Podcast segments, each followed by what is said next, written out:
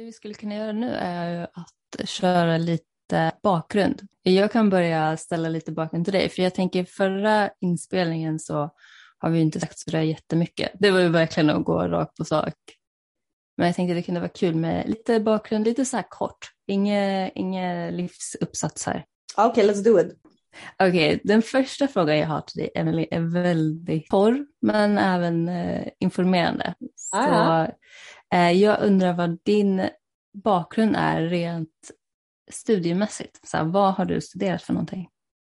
Okej, okay, då har jag inte studerat så mycket vid de eh, liksom, officiella, vid de officiella jag, jag kan, ibland institutionerna kan, typ? Institutionerna, tack. Alltså, ibland kan jag knappt prata svenska. Alltså. Eh, jag har inte studerat så, så ordentligt med de officiella ordentliga institutionerna, vilket jag ibland tycker är lite jobbigt. Medan jag ibland känner att gud vad skönt att jag inte, att jag inte har gått där och blivit itutad en massa saker som inte, som inte skulle tjäna mig sen. Men då gick jag, alltså när det var gymnasiet så var det en där vanlig, för då var jag också ganska så här, oh, det var ganska oklart vad jag kände att jag skulle pyssla med då. Så då gick väl något som bara kallades för samhälle tror jag, va? samhälle, samhälle. När jag tänker tillbaka så tyckte jag att det som var absolut intressantast då och som jag fick så här, alltså högsta betyg utan att ens anstränga mig. Det var ju språk, alltså engelska, spanska sådär så hade jag väl alltid höga betyg. Eller spanska var inte med så länge, lite italienska på gymnasiet och i svenska. Det tyckte jag alltid var kul och där gick det alltid bra. Och sen så var det tillsammans med någonting, några, ett par terminer som de kallade för levnadslära. Alltså vi hade liksom lite, mer, eh, lite mer filosofiska. Där var jag också så här, det var det enda typ, under så här, trean i gymnasiet som jag tyckte var intressant. Tillsammans med kurserna om religion. Det, där kände jag också att det fanns liksom någonting att intressera sig för. Och sen då liksom när jag hade blivit 20 någonting så behövde jag plugga på komvux. Och då kände jag igen också att så här, men gud, alltså jag kan inte hålla på och försöka tvinga mig själv att lära mig mer matte. Typ. Jag fattar ju jag fattar inte, liksom. det blir bara jobbigt. Vilket också är ironiskt då att jag sen alltså, älskar att sitta och fundera på pengar och är liksom ganska jag är ganska med vad gäller finans liksom, och har egna, egna företag och sådana här saker. Så det är ju spännande att jag liksom inte kunde förstå eller att jag inte gillade matte när jag var tonåring. Så poängen var i alla fall att jag behövde plugga på komvux. Och då valde jag en yrkesutbildning och pluggade och blev kock. Så då pluggade jag liksom mat, eh, näringslära och eh, vad kallar vi allting? Alltså kost, tillagning av mat, hur man tar tillvara på den, hur man förbereder den, lagar den, eh, heter det, lagrar den, behåller den, alltså de, de sakerna, bakterier. Och sen, vad har jag studerat sen? Alltså sen har jag, jag lagt mängder med pengar och tid och energi och timmar och sådär på det filosofiska, det astrologi, Alltså tarotkorten, eh, kvantfysik, perennial philosophy. Alltså hur uttrycker man det på svenska? Jo, the perennial philosophy also referred to as perennialism and perennial wisdom is a perspective in philosophy and spirituality that views all of the world's religious traditions as sharing a single metaphysical truth or origin, from which all esoteric and exoteric knowledge and doctrine has grown. Det var inte dumt, det var väldigt eh, omfa omfattande. ja, så att liksom allting under det där paraplyt har jag. Alltså oh, wow. jag, ja, jag ser praktiskt taget upp mig från ett vanligt liv bara för att jag ville fokusera på det där och jag förstod inte riktigt hur jag skulle kunna göra det på något annat sätt än att liksom, hitta på någonting jättealternativt där i några år. Eh, alltså på både gott och ont. Och sen har det ju blivit lite alltså, sälj, marknadsföring, eget företageri som är lite mer aktuellt just nu då. Så sånt har jag studerat. Ja, men du, har, du glömde en. Den här uh, Venus Mars. Ja, just det. Ah, Okej, okay. jag har gått och blivit en Mars Venus coach. Så jag hör till organisationen Mars Venus som alltså är, eller från början så kommer det alltså ifrån Mr Dr John Gray som på 90-talet skrev boken Män är från Mars, kvinnor är från Venus. Så jag har dem liksom pluggat och blivit utbildad vad gäller deras, eller deras coaching struktur. Det handlar om äkta genuskunskap, alltså facilitating a mental process. Man jag tänker att det, det var bra att, att, nämna i och med att vi pratar ju ganska mycket om det feminina och det maskulina och dynamiken mellan de två. Det har du rätt i. Så Mars Venus coachingen, sen har jag alltså en, ett certifikat, en certifiering i någonting som kallas för Cosmic Sexuality. Som alltså också har att göra med energihantering, alltså vår sexualitet, ja, dynamiken igen mellan män och kvinnor. Vad heter det? Sorry, cosmic? Cosmic sexuality. Så jag är alltså en cosmic sexuality instructor. Jaha. Ja, den du! Det kanske vi inte hade pratat om förut. Nej, jag tror inte det. det där är helt... Jag är inte förvånad.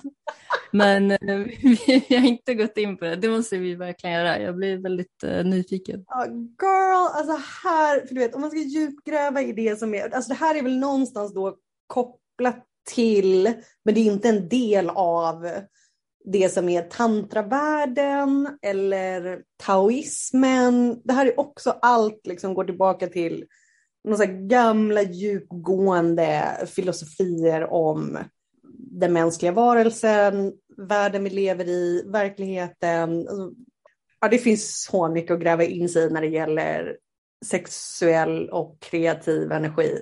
Men okej, okay, kanske Absolut, vi får, vi får verkligen ge det så här, den plats det förtjänar.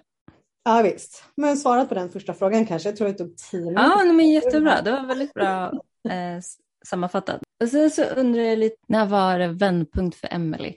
Alltså kan du så här kapsla in en stund eller ett ögonblick när du liksom började slå upp ögonen på riktigt?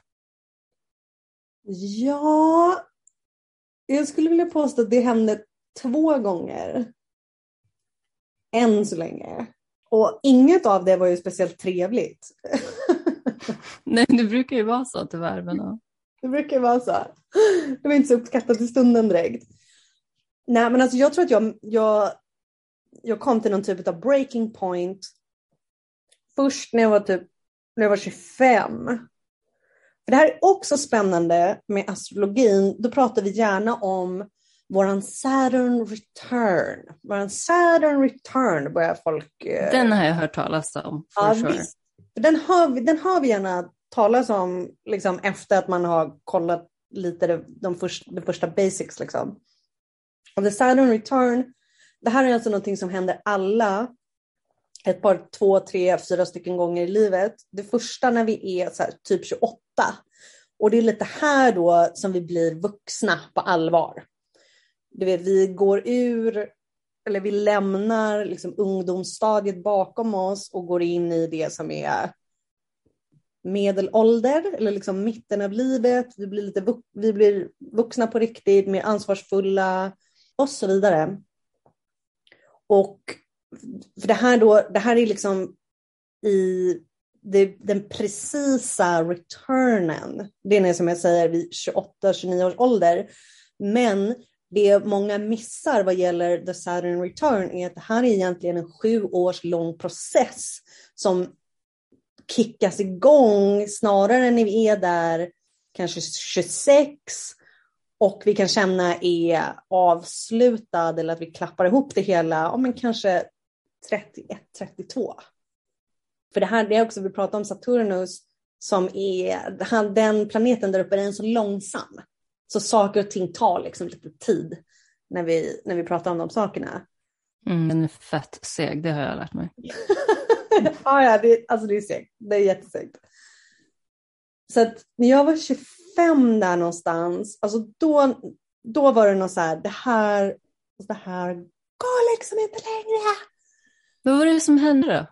Jo, jag jobbade alldeles för mycket och jag drack fortfarande alkohol på den tiden och det liksom den där killen som jag hade hållit ihop med i några år, den relationen sprack till slut, eller det var liksom nu var det över, nu var det klart. Och så hade jag det här hemska jobbet och liksom de här lite alkoholen och bara kaoset. Och sen så var det en annan gammal bekant eller så, vad säger man, förälskelse som dog. Och alltså jag bara det här är, alltså det här kan inte vara mitt liv. Eller alltså, jag kan inte vara här, jag står inte ut här. Det var liksom alltid kallt, det var, all, det var bara fast här. Jag hade ju alltid velat vara någon annanstans och resa lite och uppleva någonting annat. Och så, där, där. så alltså, jag, och det var så här, F it. Alltså jag hyrde ut min lägenhet, stack till Sydamerika och blev sen kvar där, som jag alltid säger, på gott och ont, tills nyligen. Eller i princip kvar där. Jag har ju varit hemma i Sverige under de här sju, åtta åren också. Det, har blivit en, det blev en fram och tillbaka det blev en fram och tillbaka kaka. Mm. och, men i och med det så, jag kunde inte riktigt förstå det då, men där började mycket hända i mig. Det var väl där som jag på riktigt började göra några förändringar för att jag som alla andra vill ju inte sitta fast i alltså hamsterhjulet, du vet. Det, det var ju som att min själ, du vet, knackade, ville komma in nu. Och bli, ja men också den, alltså bli lite vuxen, sätta in några nya strukturer och starta någonting nytt. För mitt, mitt Saturn return, alltså där jag har Saturnus när jag föddes, det är alltså i det nionde huset. Det nionde huset har att göra med högre lärdomar, filosofi, att Alltså både det som är att ha mentorer, guider, gurus, lärare och att vara dem. Eh, religion, som är så här, högre filosofi, the higher mind. And, eh, vad heter utländska platser eller fjärran länder. Eh, kulturer som inte är din egna. Och där så bara klickades allt det där igång. Du vet, helt plötsligt så var, helt plötsligt så var de där sakerna mitt nya liv. Och innan så var det totalblockat. Men gud vad fint, då låter det som att du verkligen så släppte in din själ och eller tillät den att uppleva det du skulle uppleva eller det du kom hit för att uppleva. Ja, alltså det var schemalagt i princip. Mm. Det var liksom schemalagt, jag hade ju typ inte så mycket val själv. På den tiden så då var inte jag speciellt med. Liksom. Men vissa saker var väl bara tvungna att hända. Så där när jag var 25 så började jag nog inse att eh, alltså det, går, det går att göra lite annat och jag började, började pyssla lite med det här som var astrologin eller började ha något typ av intresse för det där. Och sen var det liksom dags för, för ayahuasca och bara va, vad är det här? Alltså magic, vad en verklighet inte for reals typ. Wow, wow, wow ja, där, och liksom, allt det där kom i samma veva i princip. Då var väl jag, ja, men som sagt kanske 26 när det var liksom in effect. Och sen igen när jag var 30, tror jag 31 eller 2019 och så 2020 där som vi alla säkert minns. Då, då var det dags igen och bara inse hur det som vi, det som vi kommer tillbaka till ofta, inse liksom hur evil the world is, alltså hur naiv jag har varit, vad våra psykologiska trauman och egenheter egentligen är för någonting, hur det manifesterar sig, hur det ställer till sig för oss, alltså super heartbreak och, och så vidare. Just det, så det, det är två vågor där kan man säga. Ja, precis. Och när det gäller det här det andliga uppvaknandet som det pratas så mycket om, för det är många som har varit med om det senaste, ja men sedan 2012 då. För mig så verkar det som att det ofta, att det ofta händer så här, att först så är det så här, oh wow, the law of attraction typ, och gud det är som vad ett universum magiskt, och bara mm -hmm. wow, but unicorns och regnbågar, namaste, yoga och reiki, wow. Och sen, du vet, x antal år senare så är det som du vet de senare Harry Potter-böckerna typ, när det bara är så unforgivable curses everywhere, spiritual warfare, dark entities and spirits typ. Och det är bara, alltså, man bara vill typ vara ignorant igen. Ja men precis, alltså, jag, jag har känt det lite som att så här, jag, första vågen är mer så att uh, man uh, vaknar upp till en ny värld, absolut, men på en väldigt så här, nästan samhällsmässig nivå. Att man är så här, ja, ah, demokrati, si och så, och så där. Och att man lär sig mycket i teori. Men sen andra vågen, då blir det mycket mer verkligt på något sätt. Det är inte bara en teori att jag vet någonstans att det ena och det andra finns, utan man börjar liksom uppleva det och se det det är, och som du säger, det är då man vill så här, oh, put me back to sleep please. Eller men vad, jag vill inte det här med, vad är det här för någonting? eller då folk börjar anamma den eh, alltså, trosuppfattningen eller den idén att så här, okay, alltså jag är här för ett högre syfte.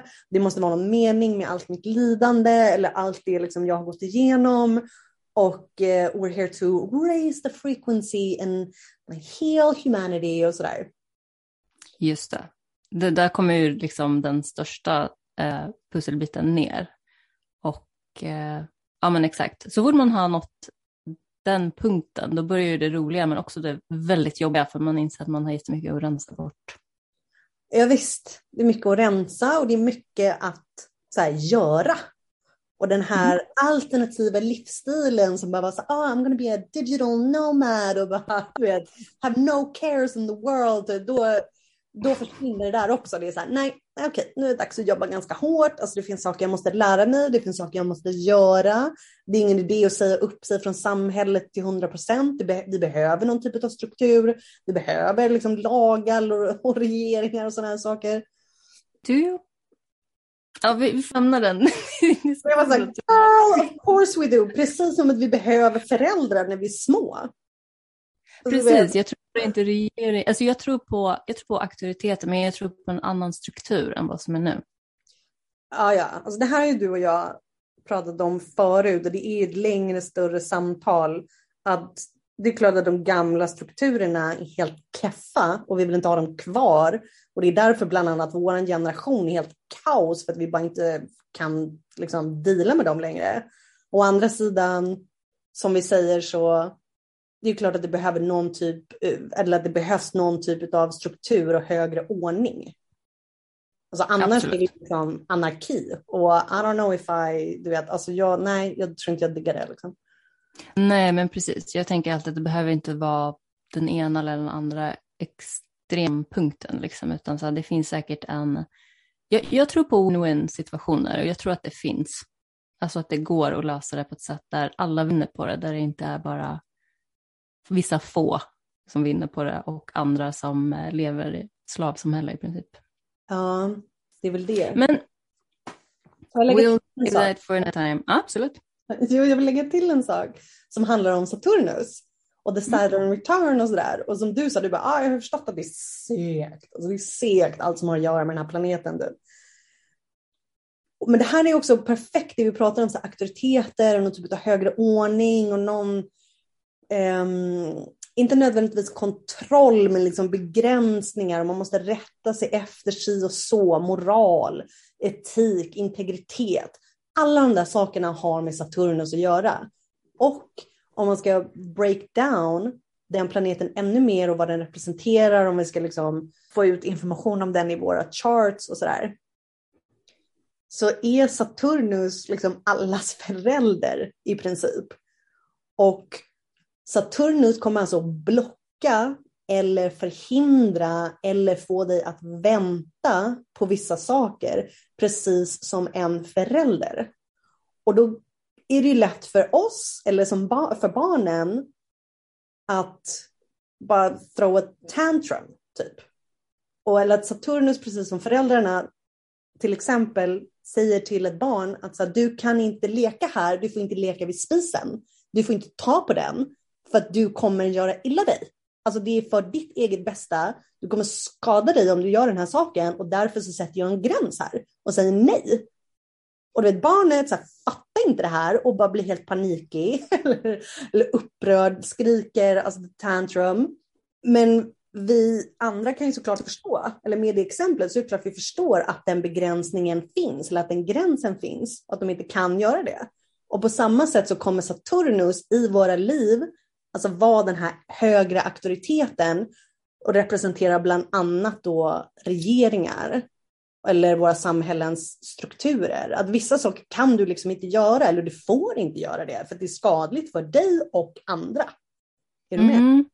Ja, jo, jag är med. Jag sitter och funderar. Är det inte så att typ Saturnus kallas för någonting lärare? Det är någon typ av något ord, något adjektiv som används innan lärare. Jag minns inte nu vad det är, men, men som du säger att det är ju för ens bästa och, och att det är lätt då att vara som ett barn som ska vara liksom rebelliskt och irriterat och liksom på det som sker.